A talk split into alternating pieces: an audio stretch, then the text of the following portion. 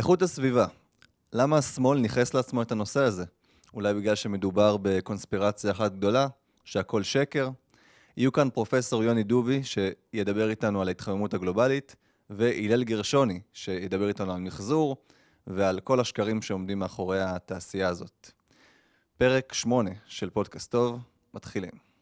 אנחנו נדבר היום על אה, סביבה, על איכות סביבה, כמה זה עולה לנו, עם אה, מחבר אה, הספר כסף של אחרים, על מיתוסים על כלכלה, הלל גרשוני. שלום הלל. שלום, שלום, מה שלומך ערן? בסדר גמור, אז מה, אנחנו עומדים לדבר עכשיו נגד איכות הסביבה? זה מה שאנחנו הולכים לעשות? חלילה, איכות סביבה זה דבר חיוני. אה, בספר שלי, כסף של אחרים, אני מדבר על מיתוסים על כלכלה וסביבה, זאת אומרת על אה, טעויות שאנשים עושים כאשר הם חושבים שהם יצליחו להנדס את הכלכלה לכיוון טוב יותר או להנדס את הסביבה, והדברים קשורים מכיוון שכשאנחנו עוסקים בנושאים אה, סביבתיים הרבה פעמים זה קשור להחלטות כלכליות, לדוגמה לגבי מחזור, אז זה נשמע משהו נאצל שעוזר לכדור הארץ. אבל אם מסתכלים על המספרים ועל הפרטים, מגלים שזה אה, הפוך לגמרי, זה גם יוצר נזק אה, כלכלי אה, וזה גם יוצר נזק סביבתי אפילו. זאת אומרת, כאשר אתה לוקח את כל המשאיות... להפריד את האשפה שלי בבית ולשים את הבקבוקי פלסטיק במקום ייעודי לפלסטיק, זה מזיק? כן, קודם כל אתה סתם מבזבז זמן חשוב ויקר שלך אה, על ההפרדה הזאת, זה דבר אחד, גם אנשים, אה, כן, שכל דקה שלהם לפעמים חשובה, הם אה, מבזבזים לפעמים מאמצים וזמן על הדבר הזה, זה דבר אחד, אבל זה שטויות, כשאתה לוקח את הבקבוקים האלה ושם אותם במחזורית, אני מצטער לגלות לך סוד שהרבה פעמים הדברים האלה אגב בכלל לא יגיעו למחזור, הם ילכו, אין בארץ למשל מפעלי מחזור, בקבוקים, אז מה עושים? הם שמים את זה ב... על כל מיני מכליות גדולות ואז שולחים את זה לטורקיה שלך תדע מה יעשו עם זה שם. אולי הם יחזרו אולי סתם אה, יזרקו ישרפו. אבל שוב זה גם רק חלק קטן מנקודת המבט שלנו הרווחנו אה, פלסטיק בטורקיה ולא בישראל לא? כן אבל אתה משלם על זה אה, הון, הון תועפות. במקום פשוט לשים את ה...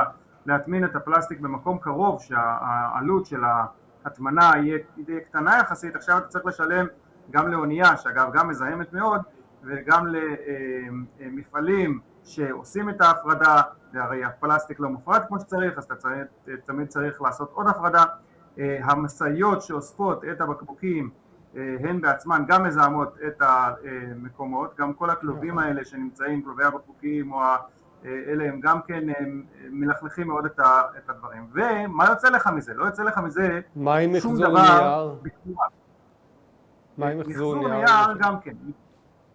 כן, מחזור נייר, אנשים אה, חושבים שאנחנו ככה מצילים את היערות.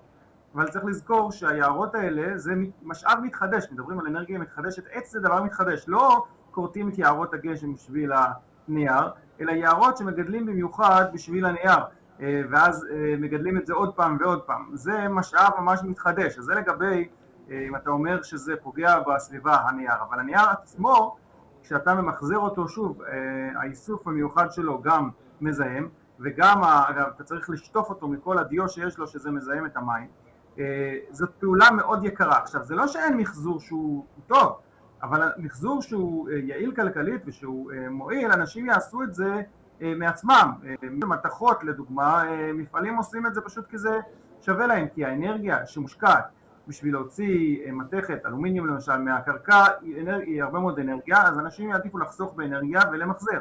אבל פלסטיק, האנרגיה שמושקעת בייצור שלו זה תוצר לוואי של נפט או של גז, אה. בכל מקרה מייצרים את זה. אז האנרגיה היא מעט מאוד.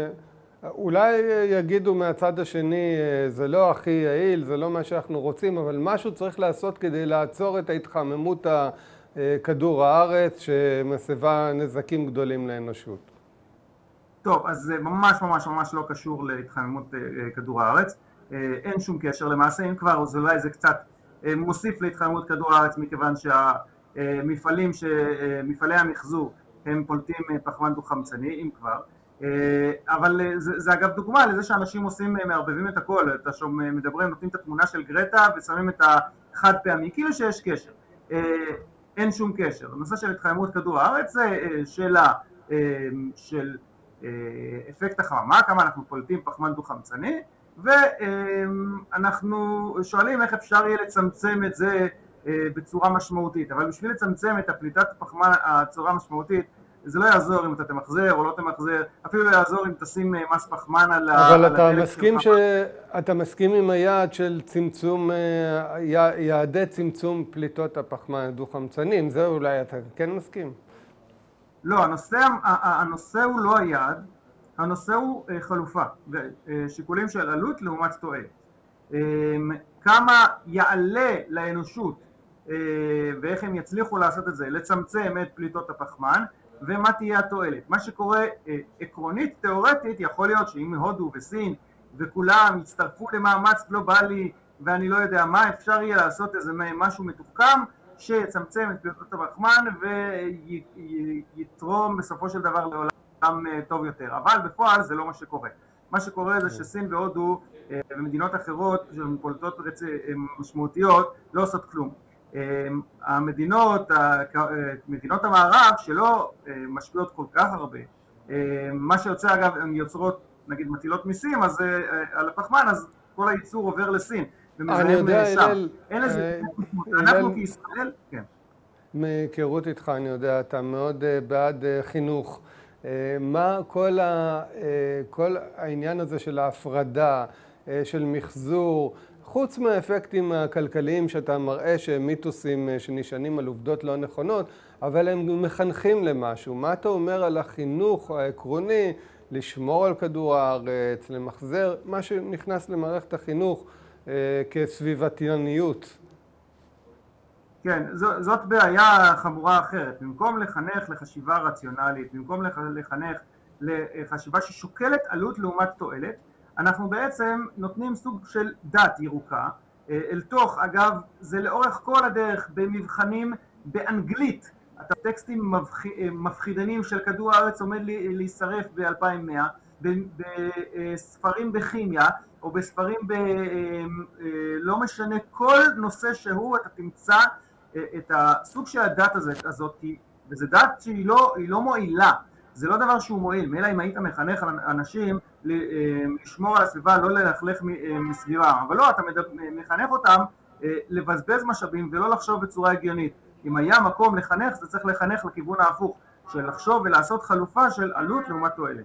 אנחנו בגילנו, לפחות אני בגילי, זוכר שהפחידו אותי מזה שכדור הארץ עומד להיות קפוא יותר. ופתאום באיזשהו שלב, לפני עשרים שנה, זה, זה הפך לפחד מזה שאנחנו מתחממים. אז מה, מה הסיפור פה? לא, באמת בשנות ה-70 היה, היו כתבות והיו מחקרים שטענו שאנחנו לקראת עולם שהולך ומתקרר. זה התברר כפחד שווא, אולי, אולי באמת בעתיד אנחנו נחזור להיפותזות האלה, מי יודע, כרגע הבונטון הוא שהעולם הולך ומתחמם. עכשיו, זה אומר לך משהו לגבי כמה הביטחון לגבי מה אנחנו יודעים לגבי העתיד אומר. אנחנו לא יודעים לומר הרבה טוב, הרבה דברים בצורה טובה לגבי העתיד, זה מה שאמר כן. נילס בור, שחיזוי הוא דבר מאוד קשה, במיוחד כלפי העתיד. אבל אין שום, אני אומר, גם אם אנחנו לוקחים את המיינסטרים המדעי, המיינסטרים המדעי בשום פנים ואופן לא אומר לעשות את מה שאנחנו אה, עושים. אולי מדענים אומרים את זה, אבל אם, הנתונים שלהם לא אומרים את זה. הנתונים שלהם אומרים שמדינת ישראל היא חסרת השפעה ב, ב, במובן הגלובלי, ולכן אין שום סיבה שישראל תעשה משהו לכיוון הזה. מילא אולי להיערך. אגב, גם עליית פני הים לדוגמה, ולא מדובר על משהו דרמטי בישראל, או ברוב המקומות, מדובר על כמה... אה, על 30 סנטימטר או משהו כזה, לא משהו במאה שנה. פרופסור יוני דובי הוא מדען מאוניברסיטת באר שבע, והוא ידבר איתנו היום על ההתחממות הגלובלית. אולי נפתח בדוגמה קונקרטית, מבחן בגרות בלשון בשבוע שעבר. בגרות בלשון לא קשור לתחום שיחתנו, אבל שם במבחן אנחנו רואים על המסך ארבעה משפטים, משבר האקלים הוא איום קיומי, אירועי האקלים נעשו קיצוניים יותר בשנים האחרונות, נעשה, נעשה הכל עבור כדור הארץ ואדישות אינה מדיניות. אלה הם אה, משפטים סתמים לנתח מבחינה תחבירית, אבל אה, אומרים לנו אה, בעצם הרבה על האג'נדה הנפוצה היום. מה אתה אומר על האג'נדה הזו?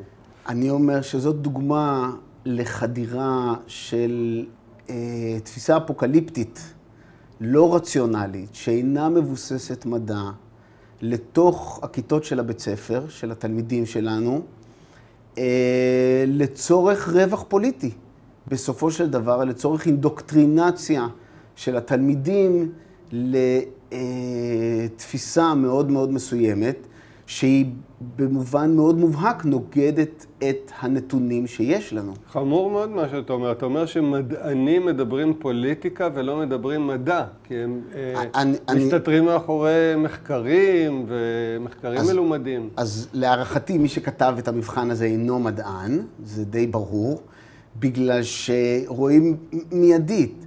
אה, משבר האקלים הוא איום קיומי, אין לזה שום עדות.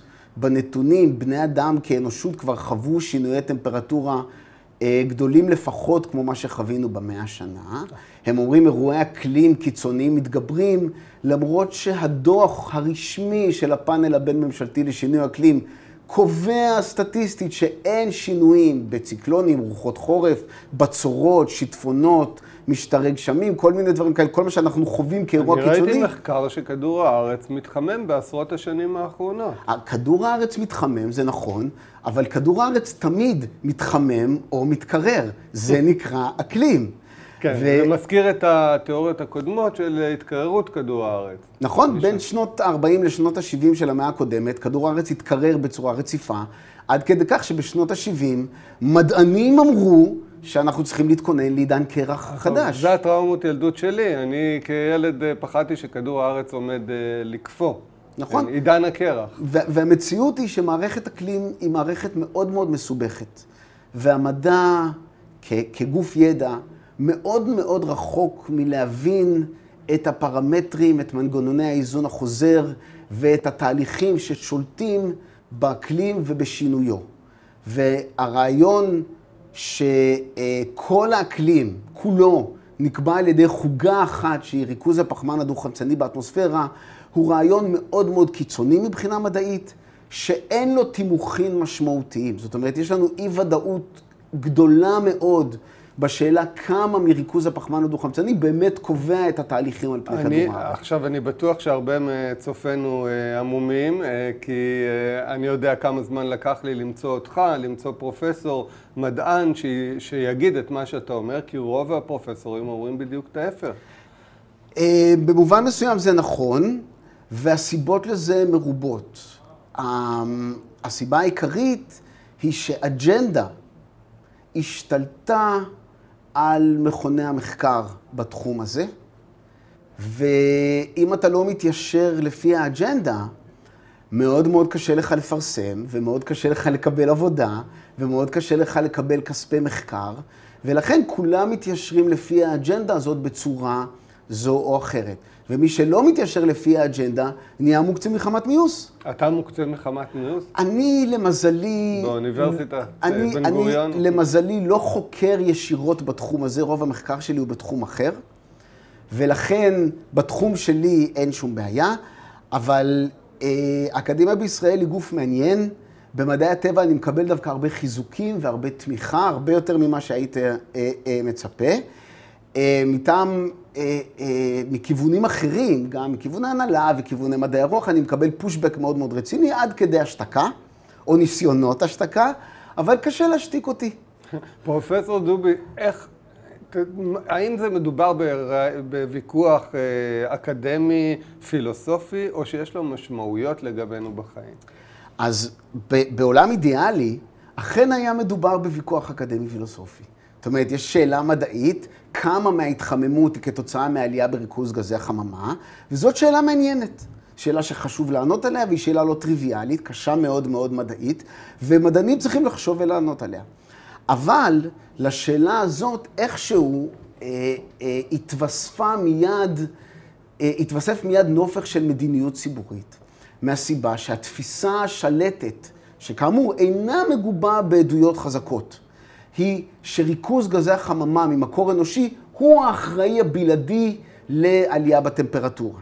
אני לא מדבר אפילו על משבר האקלים ועל השאלה אם בכלל יש משבר או אין משבר, רק העלייה בטמפרטורות. ומיד אנחנו רואים קולות קיצוניים מאוד שקוראים שחייבים להפסיק לשרוף דלקים מאובנים, שהם המקור העיקרי לאנרגיה שבני אדם משתמשים בה כדי לשפר את חייהם. ולזה יש משמעויות מרחיקות לכת על החיים של אנשים בעולם. מרחיקות לכת בצורה שאנחנו לא מצליחים לדמיין. צריך להבין, על כדור הארץ, אנחנו חיים בישראל, שזו מדינה מערבית מתפתחת, בכדור הארץ יש שלושה מיליארד אנשים שמשתמשים באותו הספק בשנה כמו מקרר בישראל, ועוד 800 מיליון איש, בעיקר באפריקה התת-סהרית, שאין להם בכלל חשמל זמין.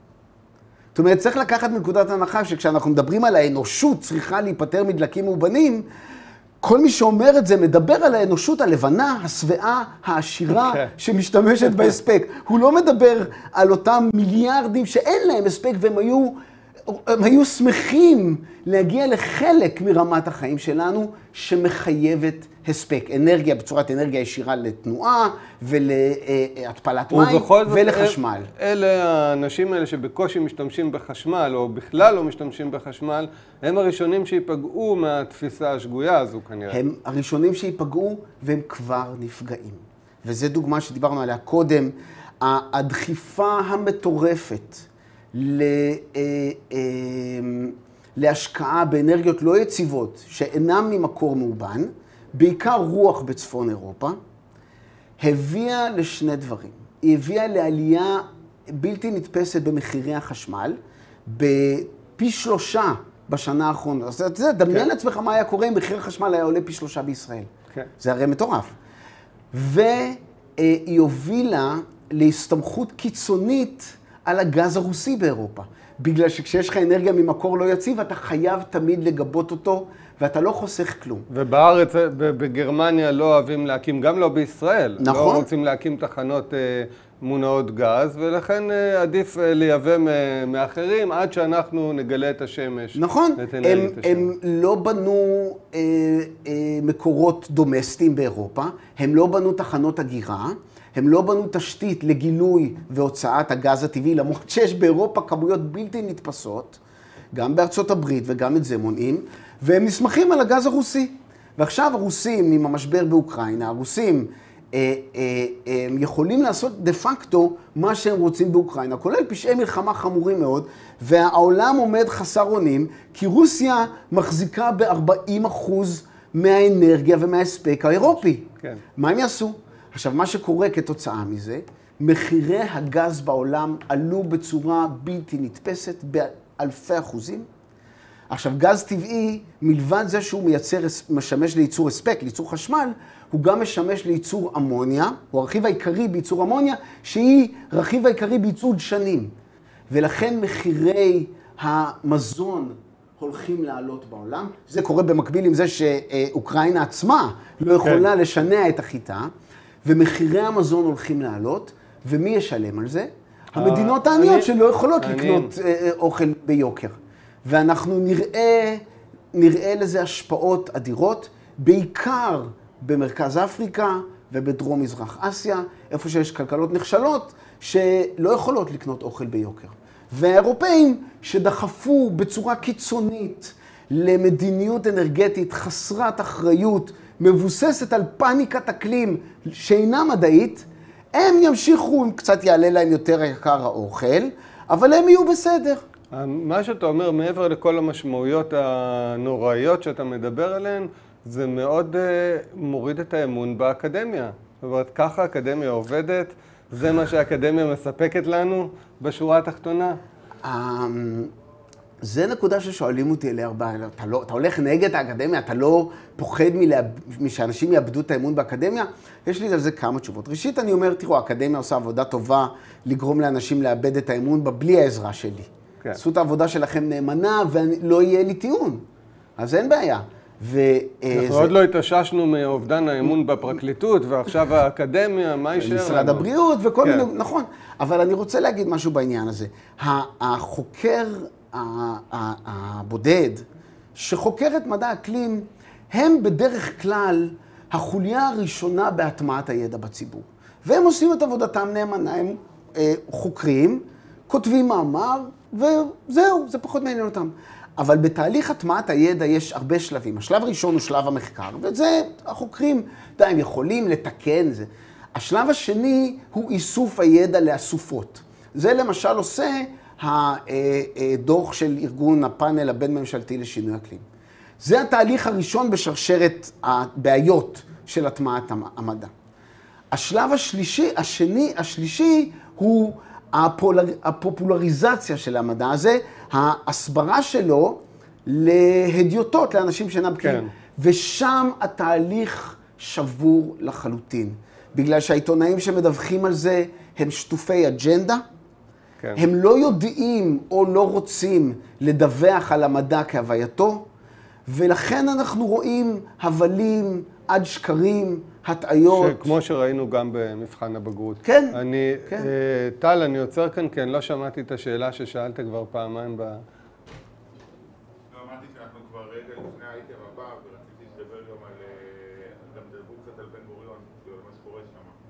לא, לא. לא? לא. אנחנו, אני אייטם לא פוליטי.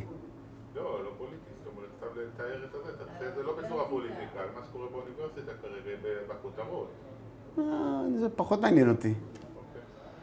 אוקיי. אם זה בסדר. אז... אה. טוב. נערוך את זה. קטע לנו זכות, קטע לנו זכות המחשבה. כן. אה, אוקיי. אני שומע אותך, אבל דיברת חלש ורק שמעתי בן גוריון, לא שמעתי מה אתה אומר.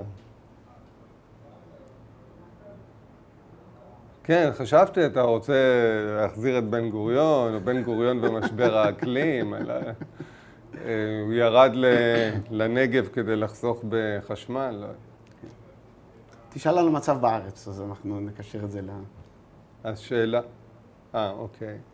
אה, אוקיי. אז אה, לסיכום, פרופסור אה, דובי, איך היית מציע לחנך את אה, ילדינו לאור ממצאי המדע? עד כמה אפשר באמת להחזיר את הוויכוח הזה לפרופורציה הנכונה, שהוא ויכוח מדעי לגיטימי ש... ולא תורה, כמו שמכתיבים לנו, שאין כמעט מקום לערער עליה. כן, אז קודם כל... אמ, הייתי ממליץ על אחריות הורית. אם יש לכם הורים בגילאי בית ספר א' עד י"ב, שעכשיו מכניסים להם את תכני האקלים האלה, דברו איתם. אה, אה, תתייעצו עם הפורום לרציונליות סביבתית. אפשר לשמוע אה, גם הרצאות שלנו בכנס החירות שיהיה עוד מעט. כן. שבו יהיה סשן שלם. של התנועה הליברלית. שאתה, יש לך סשן שם. כן, יהיה לנו סשן שלם על נושא האקלים. הורים צריכים לגלות אחריות על התכנים שהילדים שלהם מקבלים. זה דבר ראשון. הדבר השני, דברו עם המורים. אה, תשאלו אותם מאיפה הם יודעים, תאתגרו את הדעות. דבר שלישי, תדרש, תדרשו מהפוליטיקאים שלכם להאזין למגוון הדעות. טוב, זה טוב למחזר, נכון? ככה לימדו אותנו מהיסודי, אחרי עשורים של תוכניות לימודים ושל מדיניות סבסוד ושל מדיניות אכיפה ועשורים וקנסות ופיקדון על הפחיות ופיקדון על הצמיגים, אפשר שנייה לעצור ולשאול את השאלה הכל כך מתבקשת והכל כך בסיסית, למה אנחנו עושים את זה והאם זה טוב לנו בכלל? שלום הלל גרשוני. שלום זיו, מה שלומך? אה, שלומי טוב, אבל אני חייב לשאול אותך, למחזר זה טוב? אה, תלוי מה. בוא נאמר, אה, כמו כל שאלה בחיים, תמיד השאלה היא מה, מה טוב למחזר. יש דברים שטוב למחזר אותם ויש דברים שלא טוב למחזר אותם, אבל אנחנו גדלנו על האמירה שכל דבר, כל דבר שהוא, זה טוב למחזר. והאמירה הנחרצת הזאת, שעולה לנו מאות מיליוני שקלים בשנה, היא אמירה מתעתעת ופסולה. ולמשל, מחזור של פלסטיק, אה, שאנחנו רגילים לחשוב שזה דבר נהדר וצריך אה, ללכת ולקחת, לשים את הבקבוקים במחזורית או להביא אותם לסופר בשביל שאחר כך אה, יהפכו אותם למוצרים כלשהם, זה לא נכון, זה לא טוב מבחינה כלכלית, זה ברור, מכיוון שאנחנו, זה עולה הרבה מאוד כסף שעולה, שסתם הולך לאיבוד, זה גם לא טוב מבחינה, ממש מבחינה סביבתית, זה לא מועיל בשום דבר, כי הפלסטיק הזה לא הופך אחר כך לאיזשהו פלסטיק איכותי. הוא הופך לפלסטיק נחות שאנחנו משקיעים עליו הרבה כסף ותוך כדי כך כל המשאיות שמובילות אותו ממקום למקום, ואחר כך צריך להוביל אותו באוניות לטורקיה, ואז לא תמיד אגב ימחזרו אותו, אבל נגיד שכן, יהפכו אותו למין פתיתים קטנים שם בטורקיה, כל הדבר הזה הוא מזהם מאוד, מכער אגב את הרחובות ועכשיו גם יוצר מפגעים תברואתיים בתוך הסופרים ובסופו של דבר כשאתה שואל את השאלה ללמה למחזר אתה תקבל גמגומים. ואם תשאל באמת סביבתנים אמיתיים הם יגידו לך בשקט בחצי פה שאתה צודק שמחזור זה באמת לא הדבר הכי טוב. מה שצריך זה להפסיק לצרוך. אז זה בהצלחה להם. כן בואו בוא נדבר על הנזקים שהמחזור גורם. לפני כמה שנים העולם כולו, או לפחות החלק השמאלני של העולם, סער בעקבות תמונה של צב באוקיינוס השקט שתקועה לו קשית בתוך הפה. הקריאה מצד אחד הייתה להפסיק את השימוש בקשיות, מצד שני היו כמה אנשים שמבינים קצת במדיניות כלכלית, מדיניות ציבורית, ואמרו, הגיע הזמן להפסיק את דיני המחזור, משום שאם לא היו חוקים שעוסקים במחזור, הקשית לא הייתה נתקעת באף של הצו הזה. אתה יכול להסביר מה, מה הקשר בין חוקי המחזור לבין הקשית באף של הצו? כן, בסופו של דבר מה שחשוב, יש לנו הרבה, אנחנו כחברה מייצרים, כחברה אנושית מתקדמת, אנחנו מייצרים הרבה מאוד זבל. ואיך שלא נהפוך את זה, אנחנו נמשיך לייצר את הזבל, וזה דבר חיובי, זה פשוט תוצר לוואי חיובי של אנחנו משגשגים. עכשיו, מה שחשוב בסופו של דבר, אנחנו רוצים, למשל האוקיינוסים מלאים בפסולת, יש מה שנקרא כידוע האי הפסולת הגדול באוקיינוס השקט, זה לא בדיוק אי ואי אפשר לראות את זה בעיניים מזוינות, אבל בסופו של דבר, בעיניים בלתי מזוינות, אבל מאיפה מגיעה הפסולת לאוקיינוס? ובכן מחקרים הראו ש-90% מהפסולת שמגיעה לאוקיינוס מגיעה מעשרה נהרות גדולים, כמעט כולם, הם, הם, סליחה, כל הנהרות האלה הם או באסיה או באפריקה. ממיליארדי אנשים שיושבים לאורך הנהרות הגדולים האלה בסין ובהודו ובאפריקה ולא מטפלים בפסולת. עכשיו, כשאנחנו, מה שחשוב אצלנו בחברות המודרניות זה שאנחנו יודעים לטפל בפסולת, זאת אומרת לשים אותם בתוך המטמנות, אבל כשאנחנו שולחים אותם למחזור, ואם למשל אין לנו מפעלי מחזור בארץ, כמו שלא מזמן זה באמת היה, ועדיין שולחים אותם לכל מיני או לטורקיה, מדינות עולם שלישי שאין להם תשתיות לטיפול בפסולת. ותוך כדי המחזור, תוך כדי המסע הזה, אז דברים יכולים ללכת ואנחנו לא יודעים לאן, או כן. לתוך האוקיינוס, או לשטחים פתוחים שם, או למקומות גרועים. זאת אומרת, דווקא המחזור, שאנחנו חושבים שהוא עושה לנו טוב בנשמה, כאילו שאנחנו עוזרים לסביבה, בסופו של דבר אנחנו מזיקים יותר. אוקיי, הלל גרשוני, חוקר ופובליציסט, מחבר הספר כסף של אחרים, כיף שהיית איתנו. תודה רבה, אנחנו נארח אותך לתובנות נוספות בנושאי סביבה בעתיד הקרוב. תודה רבה.